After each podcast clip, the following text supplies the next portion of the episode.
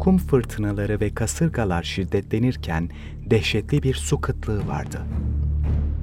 Tüm bunlara kimi ülkelerdeki çeteler arası savaşlar ve askeri darbelerde dökülen kan eşlik etti. Yerli halk ispiyonlarsa merkez sistem onları kuş gibi avlayıp sınır dışına atar, kimse de bir şey diyemezdi. Bazen ölüm haberleri de geliyordu. Denize atılanlar, sınırda infaz edilenler ya da koloniler arası hesaplaşmalar yüzünden. Zamanında kanal için inanılmaz paralar harcanmıştı. İstanbul ve Trakya için hayati olan doğal ormanlar, su kaynaklarının ve Marmara'nın tahribinin geri dönüşü yoktu. Bağımsız, objektif, kaliteli haber. Kısa Dalga Medya. Mehveş Evi'nin yazdığı Fedai Karakeçili'nin seslendirdiği Türkiye 2050 Geleceğe Bir Yolculuk podcast'inin ikinci bölümünü dinleyeceksiniz. Dinlemediyseniz ilk bölümden başlayarak dinlemenizi tavsiye ederiz. Kadırga koyunun dalgalarını kabartan körfez rüzgarı şiddetlendi. Leyla karşısında duran dört yabancıya korkuyla bakıyordu. Ama korkacak bir şey yoktu. Liderleri Berivan gülümseyerek kendini tanıttı ve onu kamplarına davet etti. Hava o kadar sıcak ve boğucuydu ki bu daveti geri çevirmek aptallıktı. Hep beraber yürümeye başladılar. 2050 Türkiye'sinde Ege sahillerinde pek çok otel ve yazlık ev işgal evlerine dönüştürülmüştü. Leyla'nın tanıştığı bu insanlar da terk edilmiş bir otele yerleşmişti. 40 kişilik grupta Orta Doğu ve Afrika göçmenleri de vardı, yerli göçmenlerdi. Ne de olsa Diyarbakır, Urfa, Adana ve Mersin hava sıcaklığı rekorlarıyla kırılıyordu. Bölgedeki yoksulluk, susuzluk yetmezmiş gibi sivrisineklerin taşıdığı Zika virüsü salgını başlamıştı. Zaten kıt olan geçim kaynaklarına hastalık korkusu da eklenince fırsatı bulan göç ediyor.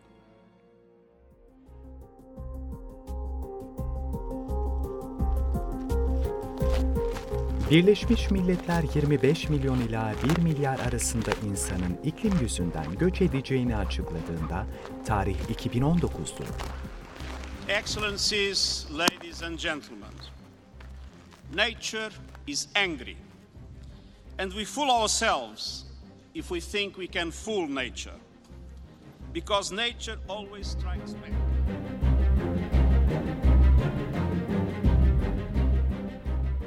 Gerçekten de 2050'ye gelindiğinde dünyanın pek çok yerinden 150 milyon kadar insan yaşadıkları yerleri iklim afetleri yüzünden terk etmişti. Bangladeş hem hava sıcaklığı artışı hem de denizin yükselmesi yüzünden en ağır etkilenen ülkelerden biri oldu. Rusya'nın Arktik bölgesi dünyanın geri kalanından daha hızlı ısındı. Permafrost yani donmuş toprağın erimesiyle Sibirya'nın kimi kasabaları boşaltıldı.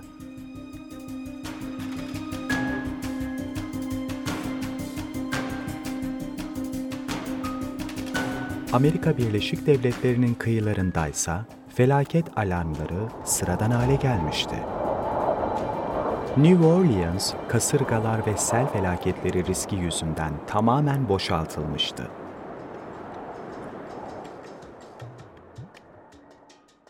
Orta Doğu ve Afrika'nın tropik kuşağında yaz gecelerinde bile hava sıcaklıkları 30 dereceden aşağı inmiyordu.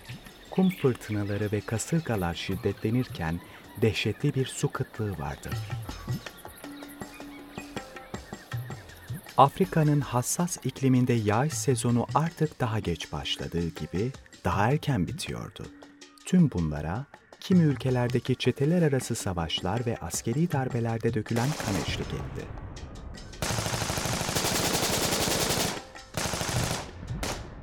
İşin en acı tarafı tüm bunların ta 10 yıllar öncesinden tahmin edilmesiydi. Böyle bir felaket döneminde iklim mültecileri daha güvenli, yaşanabilir bir yere ulaşmaya çalışıyordu. Fakat 2050 dünyasında kimsenin yabancılara, hele fazladan bir boğaza tahammülü yoktu. Yıllar önce savaşlardan kaçanlara kapılarını kapayan gelişmiş ülkeler, iklim mültecilerini kabul etmeyeceklerini açıklamıştı.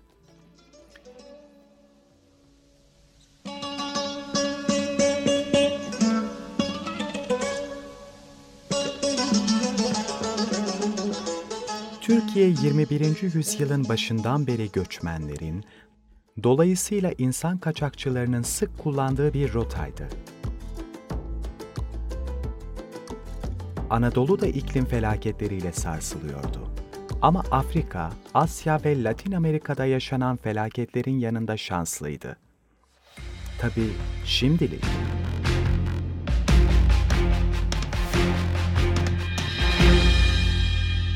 Ancak artan nüfusla, kendi sorunlarıyla baş etmekte zorlanan ülke, iklim göçmenlerini durdurmak için sert önlemlere başvuruyor.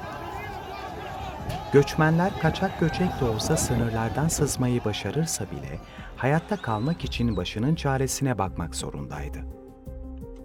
Yerli halk ispiyonlarsa merkez sistem onları kuş gibi avlayıp sınır dışına atar, kimse de bir şey diyemezdi. Bazen ölüm haberleri de geliyordu. Denize atılanlar, sınırda infaz edilenler ya da koloniler arası hesaplaşmalar yüzünden.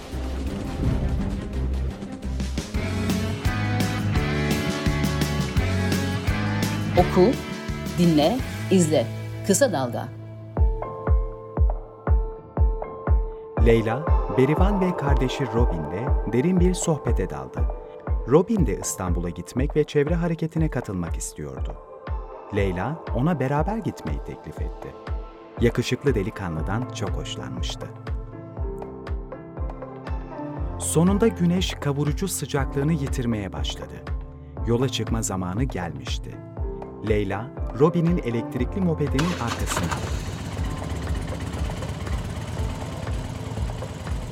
Behram Kale'nin mor renkli kayalarının arasından ana yola, sonra tekrar köy yollarına sapıyorlar.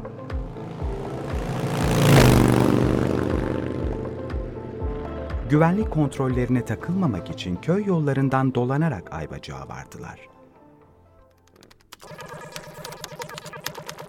Leyla eğitimini baştan sona bilgisayar destekli sistemde tamamlayan ilk kuşaktan. Fakat 2050'de internete girmek için hem epeyce kredi kullanmak hem de şifre almak gerekiyor. Şehirlerde ise giyilebilen iletişim araçları ve kuantum bilgisayarları revaçta. Ücretsiz internet erişimi ana kumanda iletişim merkezinden yapılabiliyor. Kısaca Akim denilen bu devasa iletişim çadırları her şehirde var. Tabii ki merkez sistem Akim'e giren çıkanı ve internet erişimini de denetliyor. Ne de olsa her şey güvenlik için. Ayvacık'a vardıklarında Robin mopedini bir arkadaşına teslim etti. Hava kararmak üzereydi. Çanakkale'ye giden ilk elektrodolmuşa bindiler. İki genç yol boyunca Türkiye ve dünyada olup biteni konuşmaya daldı. Henüz 28 yaşındaydılar ama paylaştıkları sorunlar ve endişe ortaktı. Gerçi iyi gelişmeler olmuyor değildi. Ama çok mu geç kalınmıştı?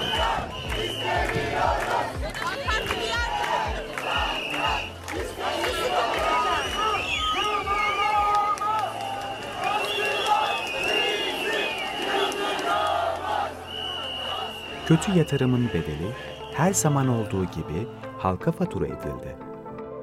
Nükleer enerjinin iklim açısından daha temiz bir enerji olduğunu savunanlar da vardı. Ancak nükleer atık milyonlarca yıl sudan, topraktan atılamıyordu. Bu yüzden temiz olduğunu iddia etmek tam anlamıyla saçmalıktı.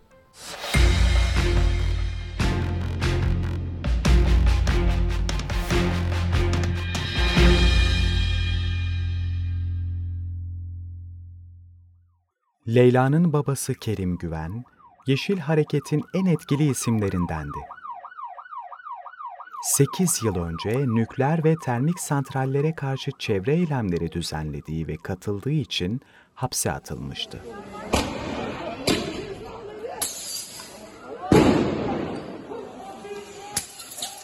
Daha doğrusu barışçıl göstericiler, hükümeti devirme teşebbüsü ve terör örgütü üyeliği sayılmıştı.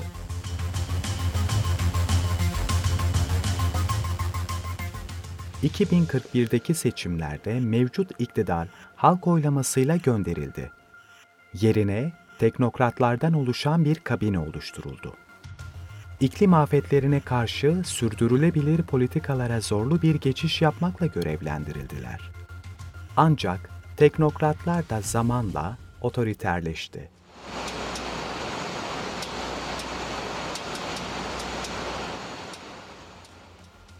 Termik santrallerin şalterleri indirilirken yenilenebilir enerjiye tam geçiş için adımlar atıldı. Fakat bu santraller geride korkunç bir yıkım bırakmıştı.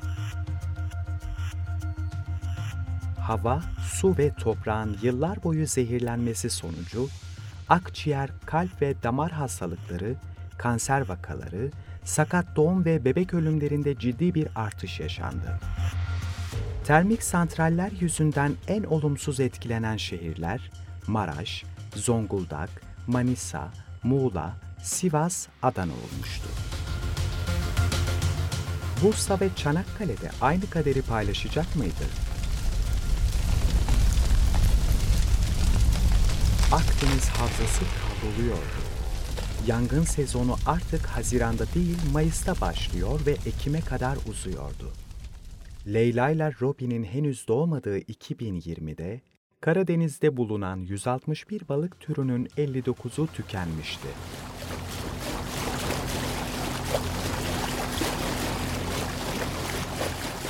O günlerde aşırı avlanma ve kirlilik balıkların yok olmasının başlıca nedeniydi. Kontrolsüz balıkçılığa yönelik kısıtlamaların devreye sokulmasına rağmen iklim afetleriyle birlikte bu süreç hızlandı. Hem denizin yüzey sıcaklığı arttı hem de atmosferde artan karbondioksit gazı deniz suyunun asitleşmesine neden oldu.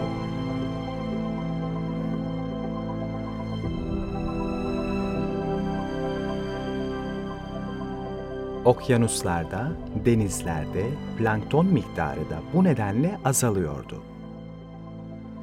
Küresel hava sıcaklıklarının artmasına karşı ormanlar kadar kritik bir rolü olan deniz yaşamı da can çekişiyordu.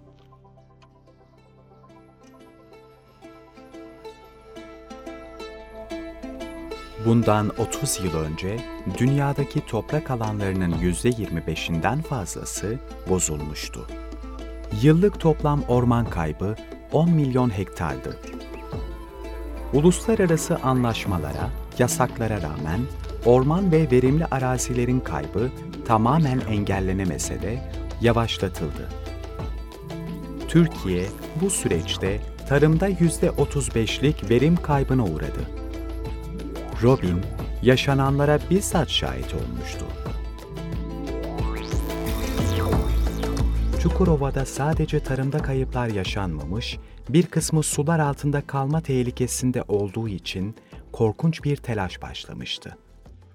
21. yüzyılın başında Antalya ve Muğla doğasıyla, iklimiyle turizm ve tarımın merkezleriydi. Aşırı yapılaşma, yanlış tarım ve enerji yatırımları Akdeniz'in en bereketli coğrafyalarını daha o zaman çölleşmeye mahkum etti. Elektro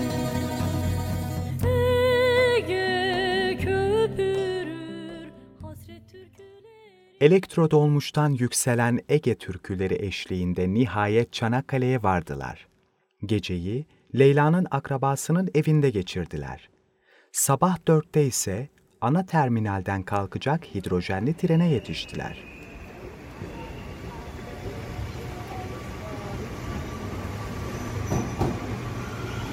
Bu yeni trenlere hiç binmemişti Leyla. Oysa sadece su buharı üreten ve hiç karbon salmayan trenler 2020'de icat edilmişti. Daha yavaş gitmesine rağmen en güvenilir, en çevre dostu ulaşım demiryoluyla. Hidrojenli ve elektrikli trenler Avrupa'nın her yerinde yaygınlaşmıştı. Geçiş dönemini ıskalayan Türkiye'de ise tüm raylı sistemlerin elektrik ve hidrojenli trenlere göre elden geçirilmesi, yaygınlaştırılması henüz tamamlanmamıştı.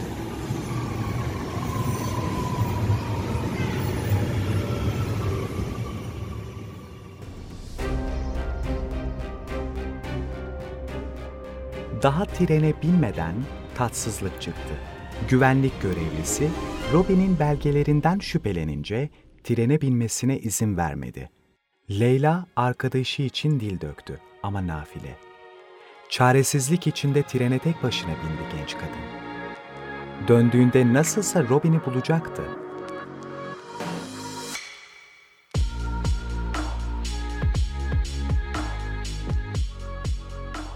Leyla, Çanakkale Köprüsü'nden Gelibolu'ya geçerken uykuya dalmış olmalı. Uyandığında tuhaf bir kızıllıkla kaplı gökyüzü karşılıyor onu. Belli ki yakınlarda bir orman yangını çıkmış.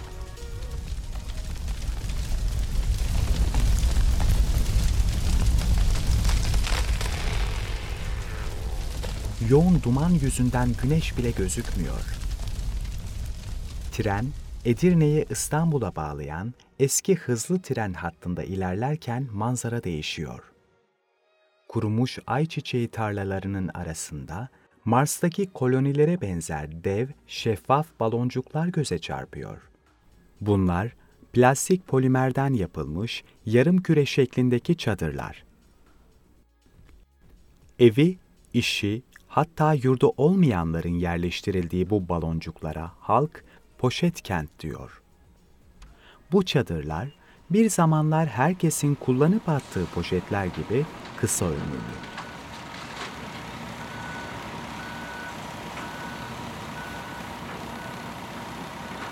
Tren Çatalca'dan Başakşehir'e ilerlerken yoğun tartışmalara rağmen açılan Kanal İstanbul'un geride bıraktığı yıkım iyice görünür oluyor.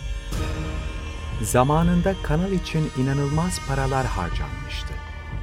İstanbul ve Trakya için hayati olan doğal ormanlar, su kaynaklarının ve Marmara'nın tahribinin geri dönüşü yoktu. Ancak hem İstanbul depremi hem ilk kuraklık dalgalarının ardından Karadeniz'den Küçükçekmece'ye uzanan Kanal İstanbul projesi süresiz askıya alındı.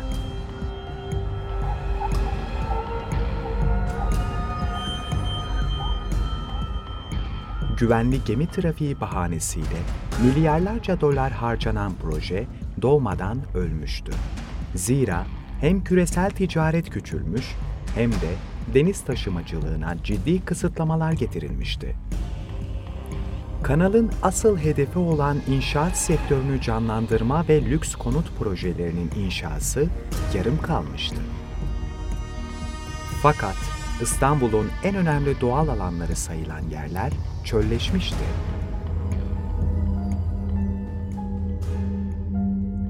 Yapay ormanların inşası devam etse de karbon yutağı olabilmeleri için daha uzun yılların geçmesi gerekecekti.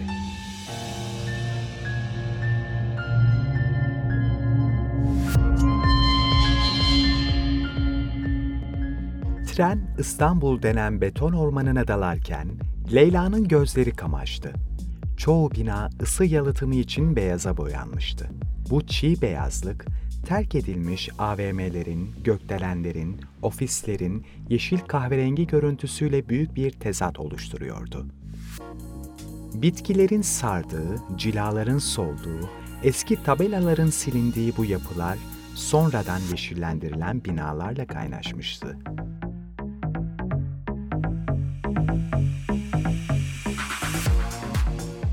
Bakırköy ve Sirkeci'deki duraklar taşkınlar ve deprem nedeniyle iptal edilmişti. Raylı hattın son durağı Halkalı'ydı. Hava kirliliği nedeniyle maske ve tuhaf tulumların içinde bekleşen insanlarla dolu gar, kıyamet sonrası dünyanın tasviri gibiydi. Leyla tulumunu giydi, maskesini taktı ve trenden indi. Gözleri Babasını aradı. Dakikalarca kalabalığı taradı. Bir işaret bekledi ama babası görünürde yoktu. Türkiye 2050 Gelecekte Bir Yolculuk 3. bölümüyle devam edecek. Hikayenin özetini okumak, bu podcast için kullanılan kaynakları incelemek için kısa dalga.net'i ziyaret edebilirsiniz.